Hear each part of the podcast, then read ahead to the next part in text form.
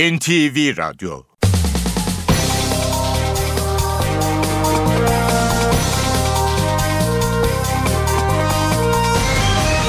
İşe Giderken Mutlu sabahlar. Ben Aynur Altunkaş. Bugün 21 Nisan Pazartesi. İşe giderken de Türkiye ve dünya gündemine yakından bakacağız. 7.35'te Ayhan Aktaş spor haberlerini aktaracak. Gündemin başlıklarıyla başlayalım.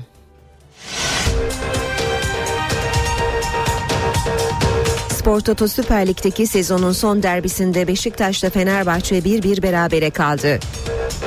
Beşiktaş Fenerbahçe derbisinde Beşiktaşlı Dani kaleciye geri pas atarken kural hatası yaptı. Endirek serbest vuruşu kullanan Caner topu bilerek dışarı gönderince tribünlerden alkış aldı. Beşiktaşlı bazı taraftarlar e-bilet uygulamasını protesto edince Atatürk Olimpiyat Stadı büyük oranda boş kaldı. Toplu taşıma araçları için kullanılan kartlarsa turnikeleri açtı. İstanbul Beyoğlu'nda 3 büyük kulübün taraftarı e-bilet uygulamasını protesto etti. Kalabalığa müdahale eden polis 14 kişiyi gözaltına aldı. Diyarbakır'da Perşembe günü PKK tarafından kaçırılan 4 kişi Elazığ'da serbest bırakıldı. Sosyal paylaşım sitesi Twitter şikayeti konu hesapları buzlamaya başladı. Başbakan yardımcısı Beşir Atalay, Twitter şimdi hizaya geliyor dedi. Güney Kore'de çarşamba günü batan feribotta cesedi bulunanların sayısı 64'e yükseldi. 238 kişi ise hala kayıp. İşe giderken gazetelerin gündemi.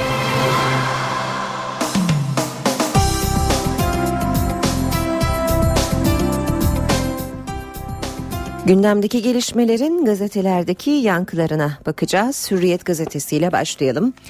Ermeni sorunu e, yürek acım diyor Hürriyet manşette. Kıdemli Büyükelçi Hakkı Akil Paris'teki görevine başlarken Ermeni meselesiyle ilgili önemli vurgular yaptı. Birbirine bu kadar benzeyen iki halk artık barışmalı, bizler bunun için adım atmalıyız dedi. Devam edelim yine Hürriyet gazetesinden bir diğer başlıkla. Kanarya rekoru kaçırdı. Sarı lacivertlilerin şampiyon olabilmesi için kalan 4 maçtan 1 puan alması yeterli olacak. Karşılaşmanın gollerini 24. dakikada Sol, 44. dakikada Motta attı. Beşiktaş, Motta ve İsmail Köybaşı'nın kırmızı kart görmesiyle karşılaşmayı 9 kişi tamamladı. E-biletli derbide bazı taraftarlar İstanbul Büyükşehir Belediyesi'nin İstanbul kartıyla sisteme girmeyi başardı. Yüz tanıma sistemi yanlış kullanılınca bazı taraftarlar stada giremedi. Pasolik protestolarına polis sert müdahale etti. 14 kişi gözaltına alındı. Çok vahim diyor yine Hürriyet bir başlıkta. Kasımpaşa maçında sahaya girip Beşiktaşlı Fernandez'e saldıran Mustafa Özel dün derbideydi. Statlara girmesi yasak olan Mustafa Özel'in fotoğrafı sosyal medyaya yansıyınca skandal ortaya çıktı. Federasyon basın sözcüsü Mete Düren kombine kartla girmiş olabileceğini söyledi. Yine Hürriyet gazetesinden bir başlık. 75 bin porsiyon yemeğe haciz. Seçimi 6 oy farkla kazanan CHP'li Vefa Salman, AK Partili Başkan döneminden kalan 75 bin porsiyonluk yemek faturasına isyan edip ben bunu ödemem demişti. Şimdi belediyeye ihaleyle yemek veren firma 615 bin liralık haciz işlemi başlattı. Devam ediyoruz. Basın özetlerinde sırayı Milliyet gazetesi alıyor. Çocuğumu götürme kadro yenilemeye çalışan PKK'nın özellikle çocukları hedef alması aileleri kızdırdı. Tepkiler son dönemde BDP teşkilatına da yöneldi. 11 Nisan'da Mardin Kızıltepe Belediye Başkanı İsmail Asi'yi kurşunlayan Mehmet Faruk Çelik eylem sebebi olarak kızının ve oğlunun PKK'ya katılmasından Asi'yi sorumlu tutmasını göstermişti. PKK'nın da kadrosunda çocuklara yer vermesi geçmiş yıllarda da tartışma konusuydu. Anne babaların PKK'nın buna benzer girişimlerine karşı gösterdiği tepkilerin çözüm sürecinin de etkisiyle yükseldiği ortaya çıktı. Kızıltepe'deki saldırıyla sınırlı kalmayan gerilim İstanbul, Şırnak ve Bingöl'de de BDP yönetimlerine sert tepki olarak yansıyor. Devam edelim Milliyet gazetesinden yine bir başlıkla Türkiye'ye teşekkürler. Suriye'de önceki gün serbest bırakılan 4 Fransız gazeteci dün sabah saatlerinde ülkelerine döndü. Gazetecileri karşılayanlar arasında aileler ve arkadaşlarının yanı sıra Fransa Cumhurbaşkanı Hollande da vardı. Konuşmasında Fransa'nın gazeteciler için fidye ödemediğini ve sorunun müzakereler yoluyla çözüldüğünü söyleyen Hollande, buradan Türk yetkililere de ayrıca teşekkür etmek istiyorum dedi. Twitter şimdi hizaya geldi. Başbakan yardımcısı Beşir Atalay yolsuzluk iddialarını yayınlayan iki hesabın Twitter tarafından engellenmesini şimdi Twitter hizaya geliyor. Bunu diğer ülkeler de yapıyordu. Bundan sonra bizde de sorun olmayacak sözleriyle yorumladı. Bilişim hukuku uzmanı doçent Kerem Altıparmaksa Twitter'ı Türkiye'de resmi yetkililerle yaptığı görüşmelerin ardından şeffaf davranmamakla eleştirdi. Devam ediyoruz. Yine Milliyet gazetesinden bir başlıkla Derbide şampiyon çıkmadı demiş Milliyet gazetesi de. Spor Toto Süper Lig'in 30. haftasında Beşiktaş ve Fenerbahçe karşılıklı gelen e, gollerle bir bir berabere kaldı. Maçın kısa bir özetine yer vermiş. Milliyet gazetesi birinci sayfada. Bir günde iki vahşet. Türkiye'de kadına yönelik cinayetler bir türlü önlenemiyor. İzmit'te en işlek caddelerden birinde akıl almaz bir cinayet yaşandı. Bir pizzacıda kurye olarak çalışan Ömer Akdoğan boşandığı eşi Sevgin Astığlı'yı sokak ortasında boğazını keserek öldürdü. Hatay'ın Arsuz ilçesinde de 41 yaşındaki Nahiye Kirmit oğlunun nişanına hazırlık için önceki gün gittiği kuaförde kocası babası tarafından öldürüldü. Bu iki cinayetle birlikte 2014'te öldürülen kadın sayısı 63 oldu. Geçelim Sabah gazetesine.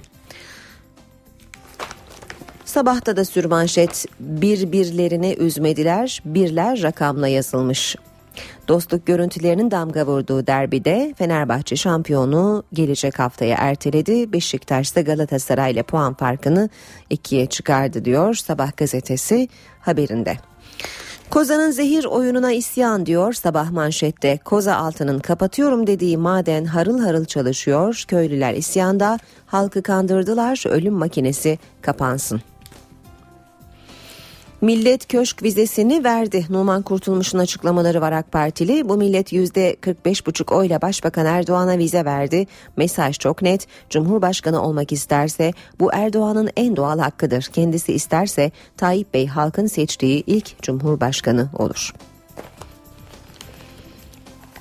Cumhuriyet Gazetesi ile devam edelim. Utanç rakamı 633. Türkiye'de geçen yıl yaşam hakkı elinden alınan çocuk sayısı ürkütücü boyuta ulaştı. Gündem Çocuk Derneği Türkiye'de çocuğun yaşam hakkı 2013 raporunu açıkladı.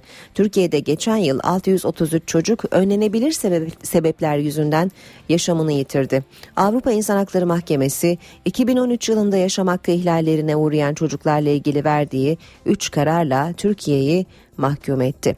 Efe Boz gibi kamu hizmeti alırken en az 21 çocuk, Uğur Kaymaz gibi yargısız infazdan en az 4 çocuk, Ceylan Önkol gibi kara mayınları sebebiyle en az 5 çocuk, Berkin Elvan gibi toplumsal olaylarda en az 3 çocuk yaşamını yitirdi. Şiddet, ihmal ve iş cinayetlerinde ise yüzlercesi öldü diyor Cumhuriyet haberinde. Radikal gazetesine bakalım. Beyaz Türklerin oyunu da alacağız. Bu sözler HDP eş başkanı Sabahat Tuncel'e ait.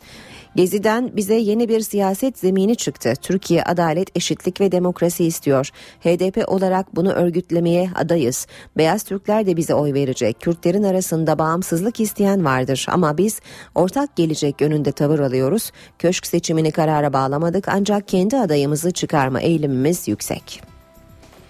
Haber Türkiye bakalım. Haber Türk'te manşet seçimi TOKİ kazandırdı. CHP'li toprağın açıklamaları Halk bize çirkin görünen TOKİ'lerden çok memnun. Profesör Binnaz Toprak siyaset gömleğini çıkarıp siyaset bilimci olarak kazanamayan CHP'ye, kazanan AK Parti'ye baktı. Ortaya çok çarpıcı bir değerlendirme çıktı. Biz aile sigortası önerdik, hayali gibi geldi. İnsanlar sağlık sigortasından bize çirkin görünen TOKİ'lerden çok memnun. Erdoğan halk adamı iyi şeyleri göz ardı etmemek gerek. Topraktan CHP halka yakın değil eleştirisine de yanıt var. CHP değişiyor ama kimse farkında değil. 100 yıllık parti ve değişim kolay olmuyor. Yine Habertürk'ten aktaralım. Ölümcül tehlike evinizde bekliyor. Çevre ve Şehircilik Bakanlığı ojeden jöleye evde kullanılan ürünlerin zararlarını listeleyip uyardı. En riskli ürünler kozmetik ve temizlikte yoğunlaşıyor. Hamileler oje ve aseton kullanmasın diyen bakanlık saç jölesi için kılcal damar kanaması yapar uyarısında bulunuyor. Listede deterjan üst sırada. Bulaşıklar için sıvı, çamaşırlar için sabun tercih edilmeli. Durulama suyuna sirke konulabilir. Naftalinde ise uyarı net kullanmaktan kaçının. Zaman gazetesine bakalım. Zamanda kutlu doğum programına soruşturma başlığı manşette. Türkiye bunu da gördü.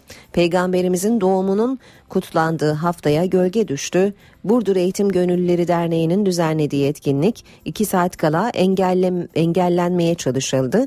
Tüm yasal izinlerin alınmasına rağmen valilik programdan sonra toplantı ve gösteri yürüyüşleri kanununa muhalefetten soruşturma başlattı. Burdur Milletvekili Yıldırım bu bahaneyle bazı memurların görevden alınmak istendiğini söyledi. Ve Yeni Şafak'la bitireceğiz basın özetlerini. İlk miting Avrupa'da. Başbakan Erdoğan millet başkanını seçecek dediği 10 Ağustos'taki Cumhurbaşkanlığı seçiminin kampanyasını Avrupa'dan başlatacak. İlk kez bulundukları ülkede sandığa gidecek. 2,6 milyon gurbetçiden oy isteyecek. İlk miting Almanya'nın Köln kentinde diyor Yeni Şafak. Saat 7.18 NTV Radyo'da işe giderken gündemin ayrıntılarıyla devam ediyor. Spor Toto Süper Lig'de sezonun son derbisinde Beşiktaş'la Fenerbahçe 1-1 berabere kaldı. Maç Atatürk Olimpiyat Stadında oynandı. Fenerbahçe 24. dakikada Musa Sov'un golüyle öne geçti. Beşiktaş devrenin bitimine doğru Ramon Motta ile beraberliği sağladı. Motta 58. dakikada ikinci sarı kartı gördü ve Beşiktaş'ı 10 kişi bıraktı. İkinci yarıda iki takım da üstünlük fırsatları yakalasa da bunları kullanamadı. Beşiktaş'ta İsmail Köybaşı da duraklama dakikalarında ikinci sarı karttan kırmızı kartla oyun dışı kaldı. Mücadele bir birlik eşitlikle sona erdi. Bu sonuçta lider Fenerbahçe bitime 4 hafta kala puanını 67'ye, ikinci Beşiktaş'ta 55'e çıkardı. Sarı lacivertliler önümüzdeki hafta Çaykur Rizespor'la Şükrü Saracoğlu stadında karşılaşacak. Fenerbahçe'nin cezası nedeniyle stada sadece kadın ve çocuklar alınacak. Beşiktaş Fenerbahçe derbisinde Dani'nin hakem atışı sonrası topu diziyle havalandırıp kaleci Tolga'ya kafayla verdiği pozisyon tartışma konusu oldu. Hakem Halis Özkahya Dani'ye sarı kart gösterdi, en direkt serbest vuruş verdi. Fenerbahçeli Caner topu bilerek avuta gönderince tribünlerden alkış aldı. Hakemin tartışılan kararına otoritelerden destek geldi. Beşiktaş Fenerbahçe derbisi futbol sahalarında ender rastlanacak bir pozisyona sahne oldu. Beşiktaşlı Dani'nin hakem atışı sonrası topu diziyle havalandırıp kafayla kaleci Tolga'ya verdiği pozisyon tartışmaları beraberinde getirdi. Karşılaşmanın 85. dakikasında Beşiktaşlı Jermaine Jones'un yüzüne gelen top nedeniyle hakem Halis Özkahya oyunu durdurdu. Birleşik Amerikalı oyuncunun tedavisi sonrası oyun hakem atışıyla başladı. Dani hakemin yere bıraktığı topu diziyle havalandırarak kafayla kaleci Tolga'ya verdi. Tolga topu elle tutmadı. Ancak hakem Halis Özkahya düdüğünü çalarak oyunu durdurdu. Dani'ye sarı kart gösterdi. Fenerbahçe lehine en direkt vuruş kararı verdi. Beşiktaşlı futbolcular karara uzun süre itiraz etti. Vuruşu kullanan Caner Erkin topu bilerek avuta gönderdi. Caner'in bu hareketi tribünlerdeki Beşiktaş taraftarından alkış aldı. Karşılaşmada yaşanan bu pozisyon tartışma konusu oldu. Peki futbol oyun kuralları ne diyor? Kural 12 fauller ve fena hareketler, sportmenlik dışı davranıştan dolayı ihtarlar, kaleci topa elleriyle dokunsun ya da dokunmasın, top halen oyundayken topu kendi kalecisine geçirmek için kafası, göğsü, dizi ve benzeriyle kuralın uygulanmasını önlemek amacıyla bilerek hile yaparsa oyuncu tarafından kural 12'nin hem metin hem de ruhunun uygulanmasını önlemek amacıyla ihlal yapılmıştır ve oyun en direkt serbest vuruşla yeniden başlatılır. Karşılaşma sonrası futbol otoriteleri hakem Halis Özkahya'nın doğru karar verdiği fikrinde birleşti. İstanbul Beyoğlu'nda Galatasaray, Fenerbahçe ve Beşiktaş takımlarının taraftar grupları e-bilet uygulamasını protesto etti. Polis kalabalığa müdahale etti. 14 kişi gözaltına alındı.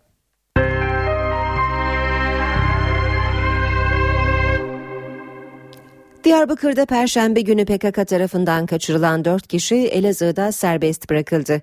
Elazığ'ın Arıcak ilçesi Bükardı beldesi eski belediye başkanı Abit Doğruer'in de aralarında bulunduğu 4 kişi Göre Seda civarında serbest kaldı. 4 kişi jandarma karakolunda ifade verdi.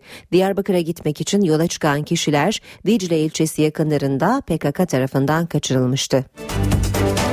Dershanelerin özel okula dönüştürülmesiyle ilgili yol haritası hazır. En az 3 yıllık dershane sahibi olanlar özel okula dönüşüm başvurusu yapabilecek. Özel okula dönüşmeyen dershanelerin faaliyetleri ise Eylül 2015'te sona erecek.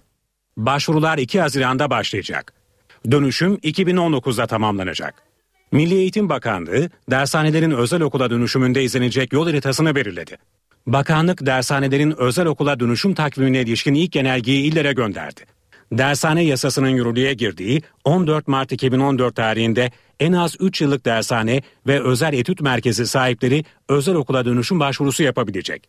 Başvurular 2 Haziran 2014'te başlayacak, 1 Eylül 2015'te sona erecek. Başvuru yapan dershane sahiplerinden binalarını özel eğitim kurumları standartlarına uygun hale getirmeleri istenecek. Kurumlarını belirlenen şartlara uygun hale getiren dershaneler 2018-2019 eğitim ve öğretim yılının sonuna kadar özel okula dönüşümlerini tamamlamak zorunda. Özel okul olmayan dershanelerin faaliyetleri ise Eylül 2015'te sona erecek. Genelge ile dershane öğretmenlerinin Milli Eğitim Bakanlığı kadrosuna geçebilmeleri için aranan şartlarda belirlendi. Dershane öğretmenleri için 2015'in Mart ayında kılavuz yayınlanacak. Yasanın yürürlüğe girdiği tarihte çalışan ve en az 6 yıl deneyimi olan öğretmenler 1 Temmuz 1 Ağustos 2015 tarihleri arasında MEB'e başvuracak. Adaylardan KPSS istenmeyecek. Sözlü sınavda başarılı olan öğretmenler bakanlık kadrosuna alınacak. Üniversite adayları için ikinci aşama sınavına müracaat bugün başlıyor. Süre 30 Nisan'da sona erecek. LYS'ye yüksek öğretime geçiş sınavından en az 180 puan alan öğrenciler başvurabilecek. Başvuru süresi uzatılmayacak. Anayasa Mahkemesi'ne bireysel başvuru için şimdiye kadar 16 bin aşkın kişi başvurdu. Ancak 6 bin dosyada karar çıktı. Başbakanın Twitter hakkında yaptığı başvuru tutuklu milletvekili Engin Alan ve şike davasından hüküm giyen Aziz Yıldırım'ın dosyalarında henüz karar yok. En son bireysel başvuru Başbakan Recep Tayyip Erdoğan tarafından yapıldı. Toplam sayı 16.322. Son dönemde verdiği kritik kararlarla gündemde ön plana çıkan Anayasa Mahkemesi'nin bireysel başvuru karnesi netleşti. 23 Eylül 2012 tarihinden bu yana bireysel başvuruları kabul eden Yüksek Mahkeme'ye bugüne kadar 16.322 başvuru yapıldı. Başvuruların büyük bölümü adil yargılama hakkının ihlali konusunda yapıldı.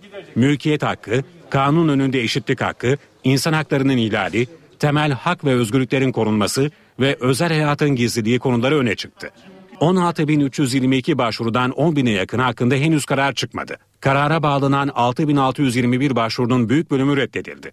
İhlal kararı verilen dosya sayısı sadece 72 oldu.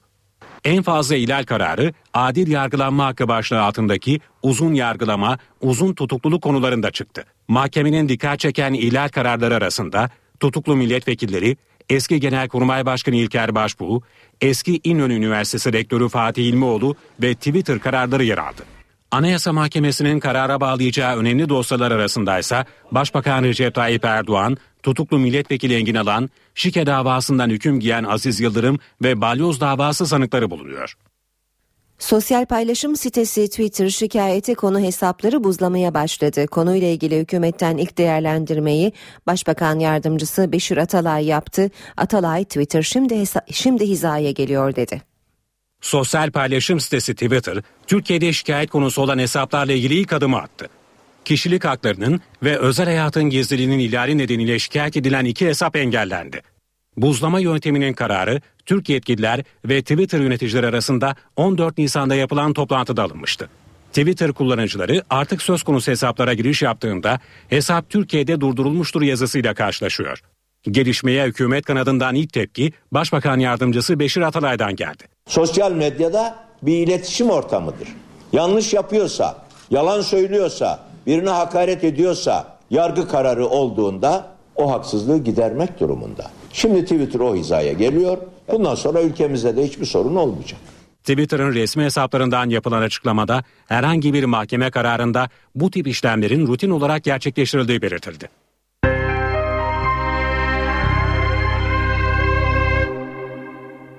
Dünya gündeminden haberler var sırada. Güney Kore'deki feribot faciasının perde arkasını gözler önüne serebilecek telsiz görüşmesinin kaydı ortaya çıktı.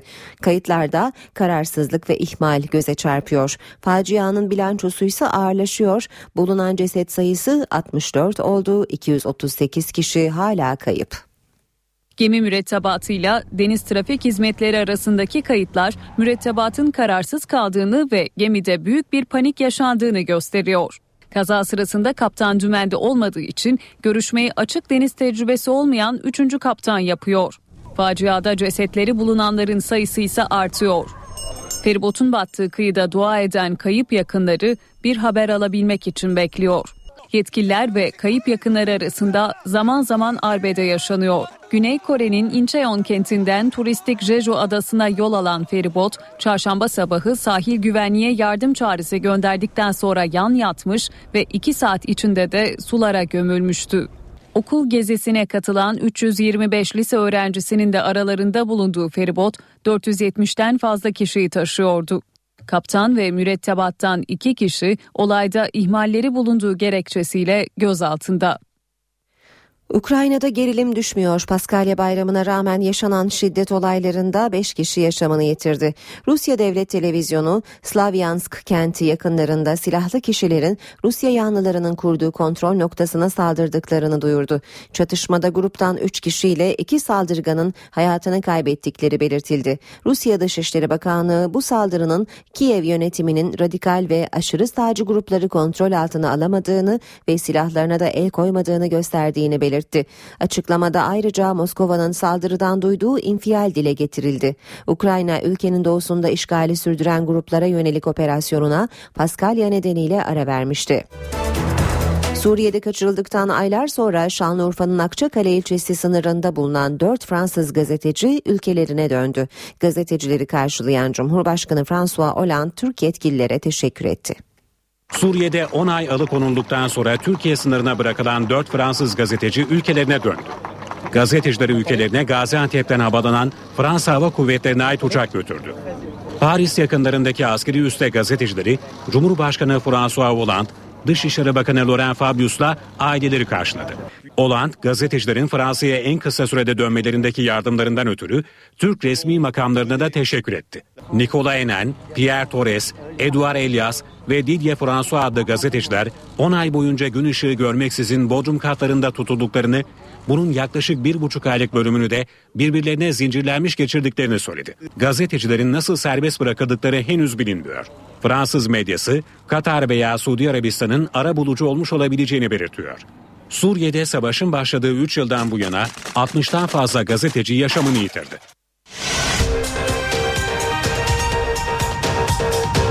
Spor Toto Süper Lig'deki sezonun son derbisinde Beşiktaş'la Fenerbahçe 1-1 berabere kaldı. Beşiktaş-Fenerbahçe derbisinde Beşiktaşlı Dani kaleciye geri pas atarken kural hatası yaptı. Endirek serbest vuruşu kullanan Caner topu bilerek dışarı gönderince tribünlerden alkış aldı.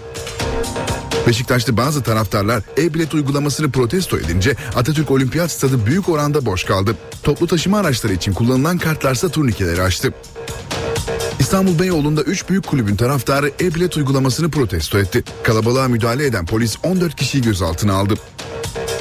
Diyarbakır'da Perşembe günü PKK tarafından kaçırılan 4 kişi Elazığ'da serbest bırakıldı.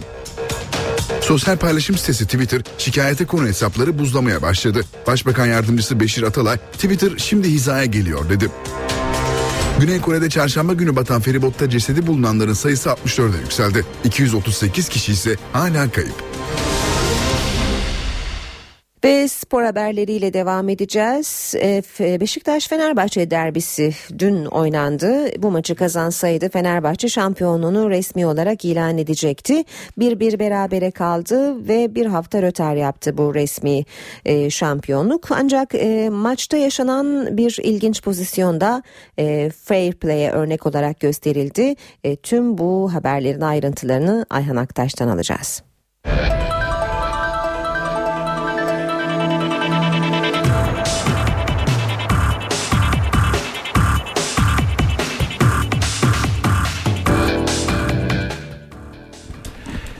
Günaydın. Spor Toto Süper Lig'de sezonun son derbisinde kazanan çıkmadı. Beşiktaş ile Fenerbahçe 1-1 berabere kaldı. Ezeli rakipler ligin 30. haftasında Atatürk Olimpiyat Stadında karşı karşıya geldi. Fenerbahçe 24. dakikada Musa Sov'un golüyle öne geçti. Beşiktaş devrenin bitimine doğru Ramon Motta ile rakibine cevap verdi. Maça dengeye getiren golü atan Motta 58. dakikada ikinci sarı kartını gördü ve Beşiktaş'ı 10 kişi bıraktı. İkinci yarıda iki takım da üstünlük fırsatları yakalasa da bunları kullanamadı. Beşiktaşlı İsmail Köybaşı da duraklama anlarında ikinci sarı kartın ardından gördüğü kırmızı kartla oyun dışı kalırken mücadele bir birlik eşitlikle sona erdi. Bu sonuçta lider Fenerbahçe bitime 4 hafta kala puanını 67'ye çıkardı. İkinci Beşiktaş'ın puanı ise 55'te. Fenerbahçe derbisinin ardından konuşan Beşiktaş Teknik Direktörü Slaven Bilic, Spor Toto Süper Ligi ikinci bitirmek için ellerinden geleni yapacaklarını söyledi. Fenerbahçe Teknik Direktörü Ersun Yanal ise önümüzdeki hafta kendi sahalarındaki Çaykur Rizespor maçını kazanıp şampiyonluğu garantileyeceklerini söyledi. Also you had both teams Bugün gerçek anlamda bir derbi oynandı. Derbilerde fauller olur, gerginlik olur. Hepsi anlaşılır. İyi oynamaya çalıştılar. İkinci yarının başında kırmızı kart görüp eksik kaldık. 10 kişi kalmamıza rağmen sadece savunma yapmadık. Kazanmak için elimizden geleni ortaya koyduk. Oyuncularımın performansından gurur duyuyorum. Şampiyonluk mücadelesi verdiğimiz Fenerbahçe ve Galatasaray'ın tecrübe yönünden gerisindeyiz. Fenerbahçe uluslararası arenada birçok başarı yakalamış futbolcuya sahip. Galatasaray'da Şampiyonlar Ligi kazanmış, şampiyonluklar yaşamış futbolcular var. Bu sezon birçok olumsuzluğa rağmen hiçbir bahaneyi kabul etmediğimi söyledim. Zor koşullarda çok iyi işler çıkardık. Dört maçımız kaldı. Ligi ikinci bitirmek için elimizden geleni yapacağız. E, sezonun başından bu yana e, kovaladığımız şampiyonluğun bugün derbiyle almayı çok istiyorduk. Bütün oyuncularımızın bugünkü isteği, arzusu, maç öncesinde yapmış olduğumuz e, bütün konuşmalar bu yöndeydi. Ve bugün bunu çok isteyerek sahaya çıktık. Rakibimize saygı duyuyoruz. Onlar da e, bu sezon inişli çıkışlı olmasına rağmen oldukça iyi mücadele ettiler. Takımımızın e, bugün yapmış olduğu performansla e, bence bir adım daha şampiyonluğa yaklaşmış olduk. Önümüzdeki hafta kendi sahamızda oynayacağımız maçta da e, bunun sonucunu alacağımızı düşünüyorum. Derbi sonrası kulüp yöneticileri de konuştu. Fenerbahçe Kulübü basın sözcüsü Mahmut Uslu önümüzdeki hafta şampiyonluklarını ilan edeceklerini savundu. Şampiyonluk turu ve vesaireler önemli değil. Yukarıda da aynı şeyi söyledim. Biz şampiyon olacağız inşallah. Olduğumuz zaman Türkiye'nin %65'i 70 sevinecek. İnşallah önümüzdeki haftada Anayasa Mahkemesi'ni bekliyoruz. Sayın Başkan'ın çok büyük bir emekleri var. Bu emeklerle biz buralara geldik. Teknik kadroyu ve bizim oyuncularımızı da kutluyorum. Ve Beşiktaş seyircisine ayrıca özellikle teşekkür ediyorum. Ee, ve ediyoruz yani kulüp olarak da teşekkür ediyoruz. Beşiktaş yöneticisi Deniz Atalay ise Motta'nın kırmızı kartının sonucu etki ettiği görüşündeydi. Maalesef bizim gördüğümüz kırmızı kartın erken olması oyunumuzu etkiledi. Sonucu da etkilediğine inanıyorum. O yüzden iki takımı da kutlamak lazım. Fenerbahçe'yi de kutluyoruz. Onlar da mücadele etti.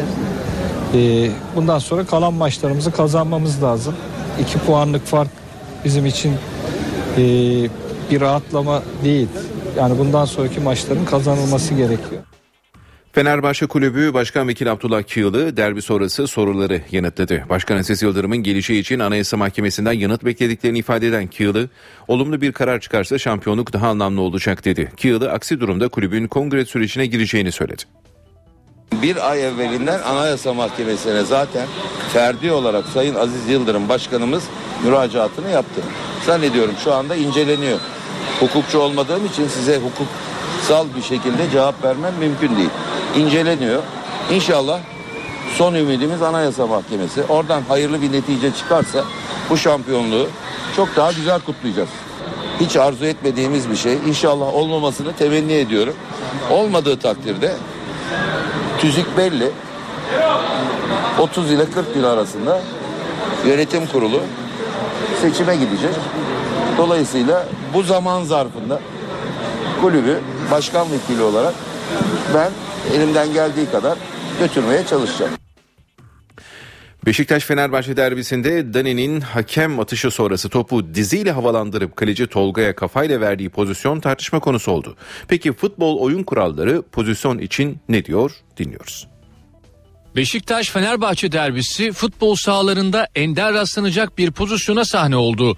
Beşiktaşlı Dani'nin hakem atışı sonrası topu diziyle havalandırıp kafayla kaleci Tolga'ya verdiği pozisyon tartışmaları beraberinde getirdi. Karşılaşmanın 85. dakikasında Beşiktaşlı Jermaine Jones'un yüzüne gelen top nedeniyle hakem Halis Özkahya oyunu durdurdu. Birleşik Amerikalı oyuncunun tedavisi sonrası oyun hakem atışıyla başladı. Dani hakemin yere bıraktığı topu diziyle havalandırarak kafayla kaleci Tolga'ya verdi. Tolga topu elle tutmadı. Ancak hakem Halis Özkahya düdüğünü çalarak oyunu durdurdu. Dani'ye sarı kart gösterdi. Fenerbahçe lehine en direkt vuruş kararı verdi. Beşiktaşlı futbolcular karara uzun süre itiraz etti. Vuruşu kullanan Caner Erkin topu bilerek avuta gönderdi. Caner'in bu hareketi tribünlerdeki Beşiktaş taraftarından alkış aldı. Karşılaşmada yaşanan bu pozisyon tartışma konusu oldu. Peki futbol oyun kuralları ne diyor? Kural 12. Fauller ve fena hareketler. Sportmenlik dışı davranıştan dolayı ihtarlar. Kaleci topa elleriyle dokunsun ya da dokunmasın. Top halen oyundayken topu kendi kalecisine geçirmek için kafası, göğsü, dizi ve benzeriyle kuralın uygulanmasını önlemek amacıyla bilerek hile yaparsa oyuncu tarafından kural 12'nin hem metin hem de ruhunun uygulanmasını önlemek amacıyla ihlal yapılmıştır ve oyun en direkt serbest vuruşla yeniden başlatılır. Karşılaşma sonrası futbol otoriteleri hakem Halis Özkahya'nın doğru karar verdiği fikrinde birleşti.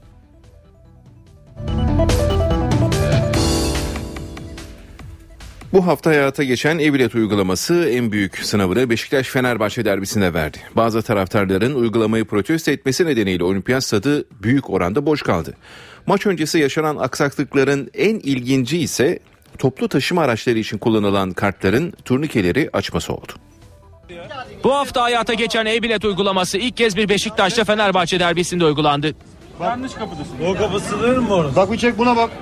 Maçın oynanacağı Atatürk Olimpiyat Stadında erken saatlerde giden taraftarlar gişelerde sistemdeki arızadan dolayı sorun yaşadı. Taraftarlar kartların okunmaması, yanlış kapı, bilet yüklenmedi gibi uyarılarla karşılaşıp kapıda beklemek zorunda kaldı. Kimse bize bir şey söylemeyecek. Yok mu burada bir görevli ya? Pasolik yetkililerinin sistemdeki arızayı gidermesinin ardından kapılarda biriken taraftarların stada girişleri sağlandı. Taraftarların büyük bir bölümü Pasolik uygulamasını eleştirirken bu uygulamayı destekleyenler de oldu. Öte yandan e-biletle ilgili ilginç bir olay yaşandı. Pasolik kartlarının yerini İstanbul Büyükşehir Belediyesi'nin toplu taşıma araçları için çıkardığı İstanbul kartında kapıları açtığı görüldü. Beşiktaş'la Fenerbahçe arasındaki derbi maçı toplam 18.990 kişi izledi. Maçı 10.803 kişi kombinesiyle 8.187 kişi ise Pasolik kartıyla takip etti. Kasımpaşa Beşiktaş maçına sahaya giren taraftar derbiye gitti. Maçı tribünde izledi. Taraftarın ev biletiyle değil başkasına ait kombines kartla stada girdiği açıklandı. Olaylı Kasımpaşa Beşiktaş maçında sahaya girerek Manuel Fernandez'e tekme atan taraftar derbiyi tribünde izledi.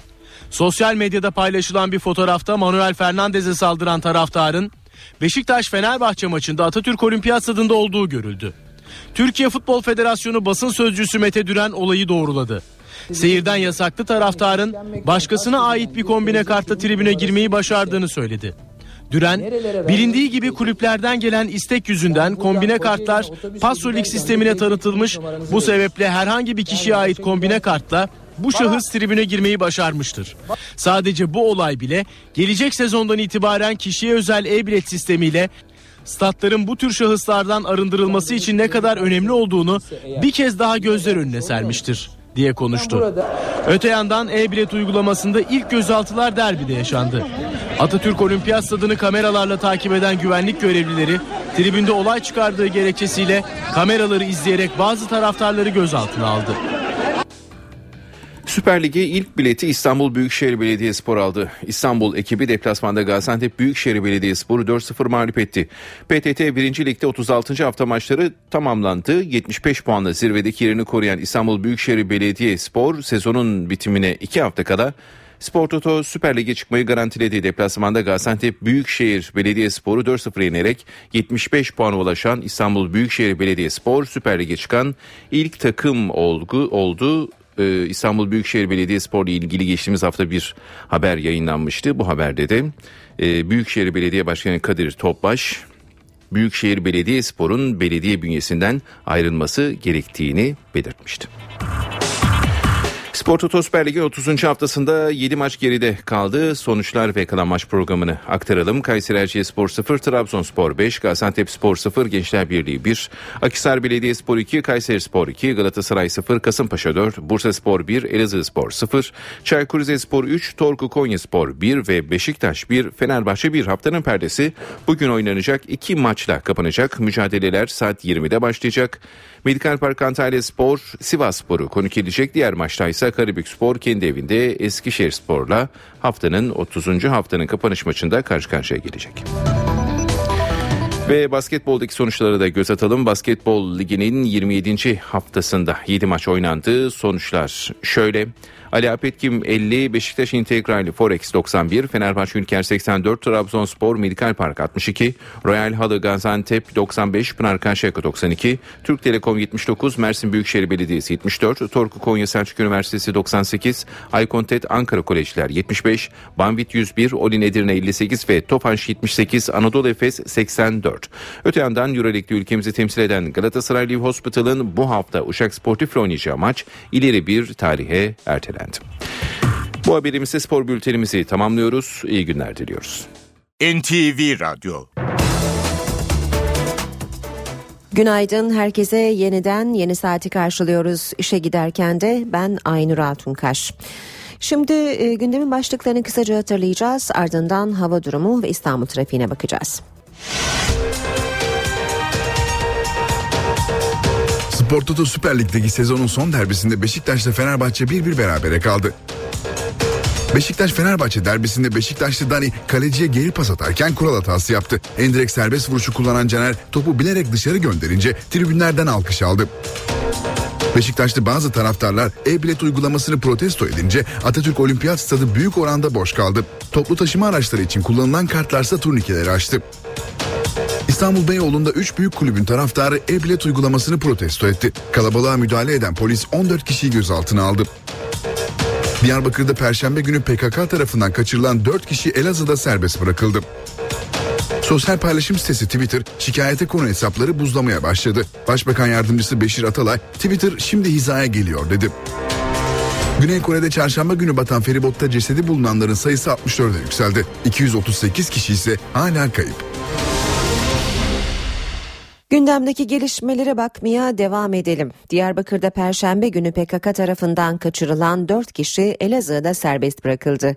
Elazığ'ın Arıcak ilçesi Bükardı beldesinin eski belediye başkanı Abid Doğru Er'in de aralarında olduğu 4 kişi Görese Dağı civarında serbest kaldı. 4 kişi jandarma karakolunda ifade verdi. Diyarbakır'a gitmek için yola çıkan kişiler Dicle ilçesi yakınlarında PKK tarafından kaçırılmıştı. Suriye tarafından gelen bir top mermisi Hatay'ın Yayladağ ilçesinde bir traktör remorkuna römorkuna isabet etti. İki kişi yaralandı.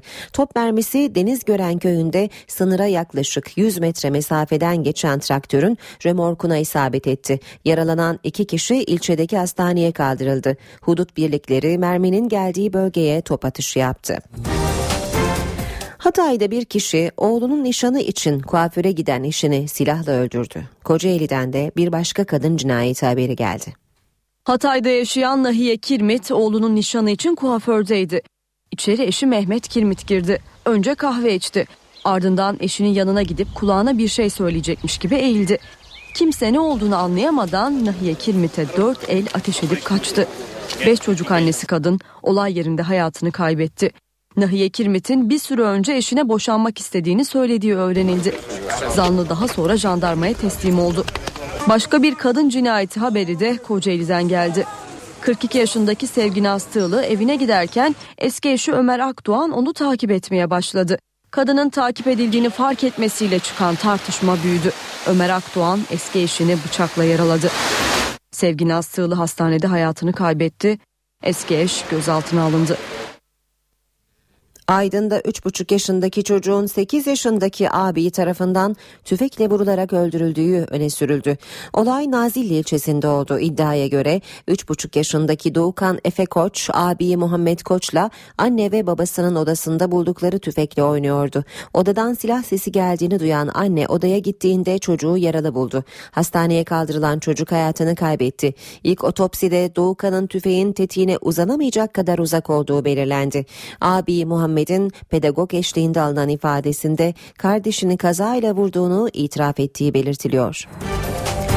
Boğaziçi Köprüsü'nde Gezi Parkı olayları sırasında polisin gaz fişeğiyle hayatını kaybeden Berkin Elvan için zincirli eylem yapıldı. Berkin Elvan için adalet istiyoruz diyen bir grup kendilerini köprü korkuluklarına zincirledi. Eylem nedeniyle köprüde trafik bir süre durdu. Köprüye çok sayıda çevik kuvvet polisi sevk edildi. Ekipler zincirleri keserek eylemcileri gözaltına aldı. Olay yerine giden bir trafik polisi de motosikletli devrilince hafif yaralandı. Berkin Elvan'ın ölümünü protesto için Taksim Cumhuriyet anıtına ekmek bırakmak isteyen iki kişi de gözaltına alındı. Ankara'da Orta Doğu Teknik Üniversitesi'nin şenliğinde 12 bin fidan dikildi. Ağaç dikme şenliği Ankara'nın Gölbaşı ilçesinde bulunan Orta Doğu Teknik Üniversitesi arazisinde düzenlendi. Şenliğin sloganı bir ağaç sizden bir orman bizdendi. Alana 12 bin ağaç fidanı dikildi. Öncesinde Brezilya'nın geleneksel dövüş ve dans sanatı gösterisi de düzenlendi. Marmaray'ın İSKİ Yeni Kapı istasyonunda atık su sızıntısı meydana geldiği ancak arızanın giderildiği açıklandı. Devlet Demir Yolları'ndan yapılan açıklamada cumartesi günü 16.20-16.50 saatleri arasında İSKİ Yeni Kapı istasyonu atık su bağlantı borusunda tıkanıklıktan kaynaklanan su sızıntısı meydana geldiği ve sızıntının peron katına kadar indiği ifade edildi. İSKİ ekipleri tarafından tıkanıklığın giderildiği belirtilen açıklamada olay esnasında Marmaray seferlerinde herhangi bir aksama yaşanmadığı, bu süreçte vatandaşların Yeni Kapı istasyonunda bekleme yapmamaları istendiği ifade edildi. Türkiye Büyük Millet Meclisi Ulusal Egemenlik ve Çocuk Bayramı olarak kutlanan 23 Nisan'da 94 yaşına girecek. Meclis Genel Kurulu o gün özel gündemle toplanacak. Bu hafta meclis gündeminde eski bakanlarla ilgili soruşturma önergeleri de var.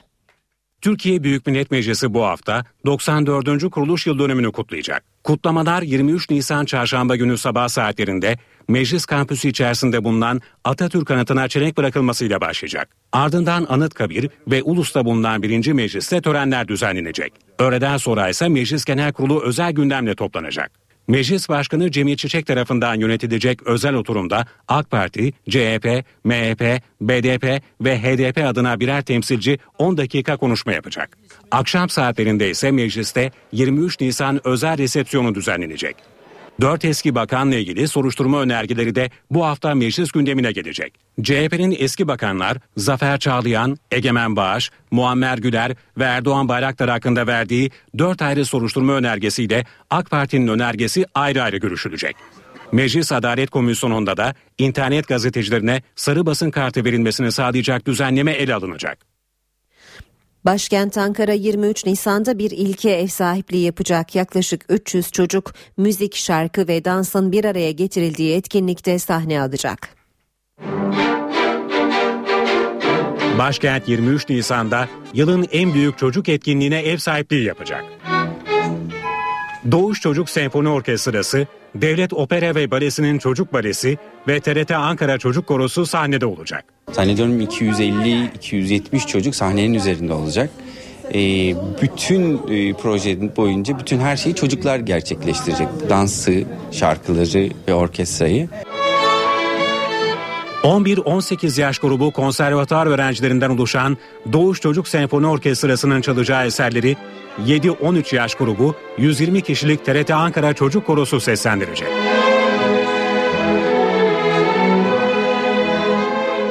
Çok zevkli, akşamları da dahil e, yaklaşık bir ayda çalışıyoruz bu projeyi. Çok heyecanlıyız, çok mutluyuz. Günlerdir hazırlanan çocuklar da heyecanlı. Çok heyecanlıyız. Ee, çok eğleneceğiz, çok keyif alacağız. Ee, herkesi konserimize bekleriz. Bu bizim için daha iyi ve daha değişik bir duygu. Hep beraber güzel bir iş çıkaracağımıza inanıyorum.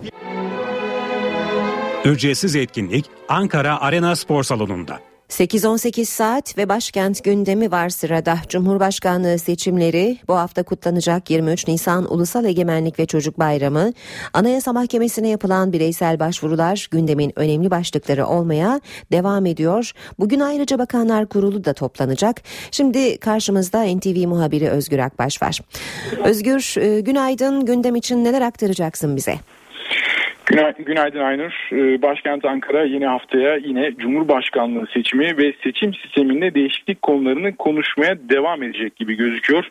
Bu konuların görüşüleceği adreslerin başında hiç şüphesiz Bakanlar Kurulu geliyor. Bakanlar Kurulu bugün saat 14'te Başbakan Recep Tayyip Erdoğan'ın başkanlığında toplanacak.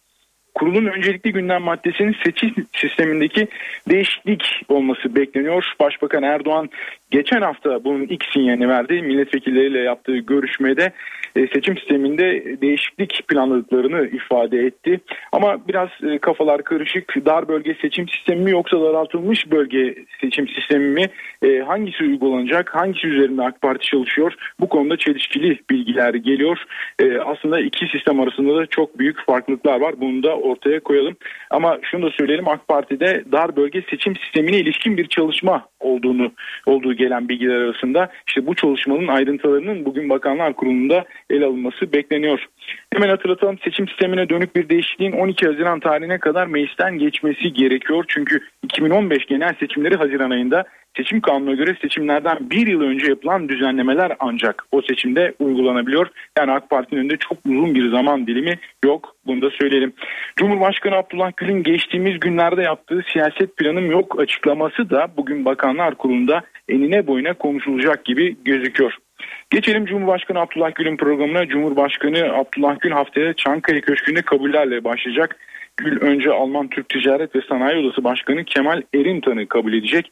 Bu kabulün hemen ardından e, Gül Türkiye Avrupa Birliği Karma İstişare Komitesi heyetini de Çankaya Köşkü'nde kabul edecek. Bu hafta mecliste yoğun bir hafta söz konusu. Türkiye Büyük Millet Meclisi çarşamba günü 23 Nisan'da 94.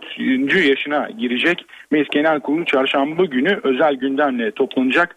Liderler 23 Nisan'a e, özel konuşmalarını gerçekleştirecekler. Akşam saatlerinde ise Meclis Başkanı Cemil Çiçek'in e, bir resepsiyonu olacak mecliste. E, hemen ardından 24 Nisan'da ise yine yoğun bir gündem söz konusu. 24 Nisan'da 4 eski bakanla ilgili soruşturma önergeleri genel kurul gündemine gelecek ve genel kurulda yine yoğun tartışmaların yaşanması bekleniyor. Bugün ise muhalefet milletvekillerinin basın toplantıları var. E, vekiller gündemdeki iç ve dış gelişmeleri meclis kürsüsünden değerlendirecekler.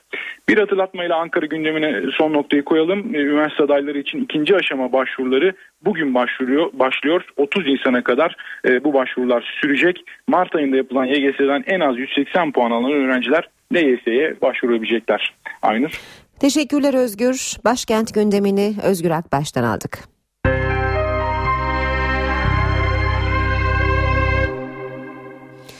Şimdi ekonomi başlığıyla devam edelim. Birazdan piyasalara bakacağız ama önce Profesör Doktor Güngör Uras'ı dinleyeceğiz. Bugün e, Profesör Uras Ayşe teyzeye trafikten bahsedecek.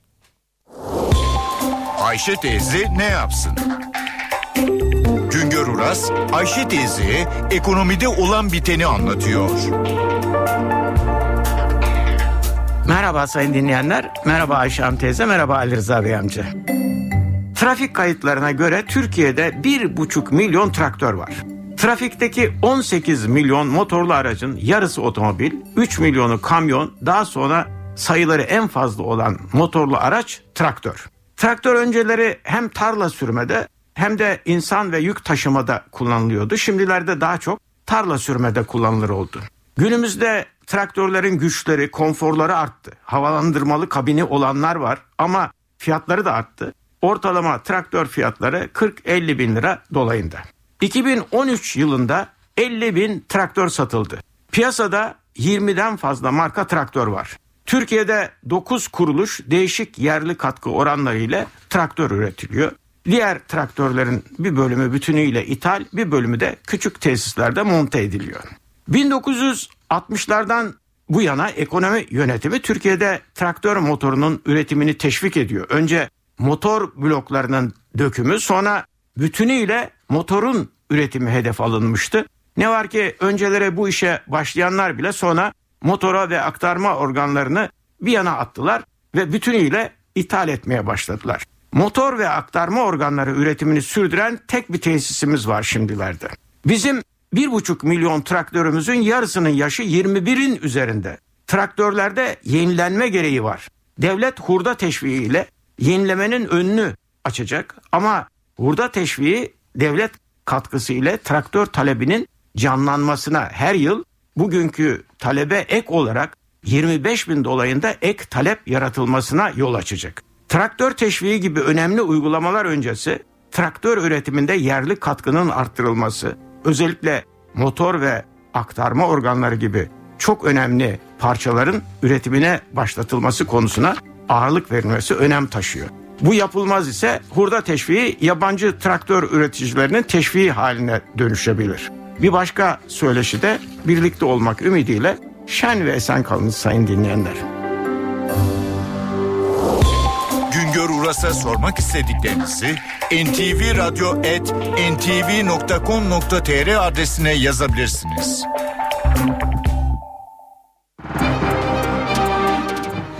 Ve piyasalar BIST 100 endeksi Cuma günü %0,12 oranında değer kaybederek 73.476 puandan kapandı. Dolar serbest piyasada yeni haftaya 2 lira 13 kuruştan, Euro 2 lira 94 kuruştan başladı. Euro dolar 1.38, dolar yen 103 düzeyinde. Altının onsu 1284 dolar. Kapalı çarşıda külçe altının gramı 88, çeyrek altın 155 liradan satılıyor. Brent petrolün varili 109 dolar.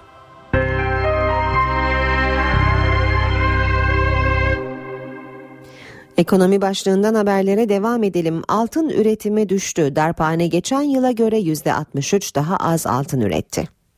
Altın üretiminde frene basıldı. Darphanede bu yıl geçen yıla göre %63 daha az altın üretildi. Geçen yılın ilk çeyreğinde 31 ton olan altın üretimi bu yıl 11 tona geriledi. Cumhuriyet altını üretimi de yarı yarıya azaldı. Geçen yıl üretilen 8 milyon adet Cumhuriyet altını yaklaşık olarak 4 milyon adete düştü. Bu yıl üretilen Cumhuriyet altınlarının yaklaşık 2 milyon 694 bin adedini çeyrek ve 374 bini yarım altın oluşturdu. Birlik, beşlik ve iki buçukluk altınlarsa üretimin yaklaşık 670 bin adetini oluşturdu. Hazine Müsteşarlığı dev projeleri garanti altına aldı. Resmi gazetede yayımlanan yönetmelikle 1 milyar liranın üzerindeki projelerin borçları hazine garantisi altına alındı. 22 milyar euroluk İstanbul'a 3. havalimanı projesi, 20 milyar liralık 15 şehir hastanesi projesi ve 2,5 milyar dolarlık 3. köprü projesi. Dev projeler devlet garantisi altında. Hazinenin borç üstlenim koşullarını açıkladığı yönetmelik resmi gazetede yayımlanarak yürürlüğe girdi. Asgari yatırım tutarı 1 milyar liranın üzerinde olan yap işlet devret projeleriyle Sağlık ve Eğitim Bakanlığı tarafından yürütülen 500 milyon Türk lirası üzerindeki proje borçlarına hazine garantisi geldi. Türkiye'de ilk kez uygulanan bu yöntemle hazine garantisinin toplam üst limiti 3 milyar dolar olacak. Ancak şu ana kadar ilana çıkmış projeler bu sınırdan muaf tutulacak. Bu durum İstanbul'da yapımı devam eden 3. Havalimanı ve 3. Köprü gibi dev projelerde finansman sıkıntısı yaşanması halinde hazinenin devreye gireceği anlamına geliyor. Hazine garantisi sistemi yeni uygulamada artık dev projelerin tamamlanması için ilgili şirket ve kamu kurumlarına borç garantisi desteği verilmesi çerçevesinde uygulanacak. Hazine sözleşmenin feshedilmesi halinde projeye yönelik her türlü mali yükümlülüğü kısmen ya da tamamen üstlenecek.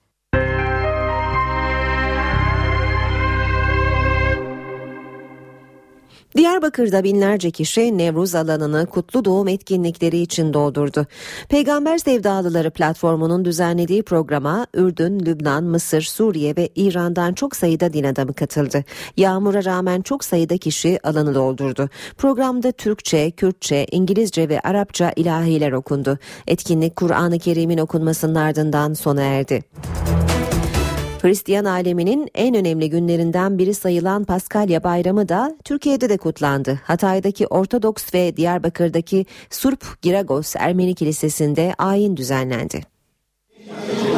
Dilekler tutuldu, mumlar yakıldı. Paskalya Bayramı Hatay'da büyük bir coşkuyla kutlandı. Hristiyanların en önemli günlerinden biri olan Paskalya Bayramı Hatay'da Ortodoks Kilisesi'nde düzenlenen ayinle kutlandı. Ayini Ortodoks Kilisesi ruhani liderlerinden Jean Dellüler ve Ortodoks Kilisesi Vakfı Başkanı Fadi Hurigil yönetti. Kilise bahçesinde toplanan Hataylı Hristiyanlar ellerindeki mumlarla dua ve ilahilere eşlik etti. Bizim için e, en büyük bayram olan e, Paskalya bayramıdır. Paskalya bayramının anlamı şudur. İsa Mesih'in çarmıha gerildiği günden sonra üçüncü günkü dirilişidir. Diyarbakır'daki Surp Giragos Ermeni Kilisesi'nde de kutlama vardı. Ayine yurt içi ve yurt dışından çok sayıda Ermeninin yanı sıra Müslümanlar da katıldı. İstanbul'da doğup bu kiliseye Paskalya Bayramı'nı kutlamak için geldim. In the United States. Amerika'dan geliyorum. Dedelerim burada yaşamış. Böyle bir ortam beni çok mutlu etti. I'm here to bring Hristiyanlık inancına göre Paskalya Bayramı Hz. İsa'nın çarmıha girildikten sonra yeniden canlandığı günü temsil ediyor. Bu haberle işe giderken sona erdi. Hoşçakalın. NTV Radyo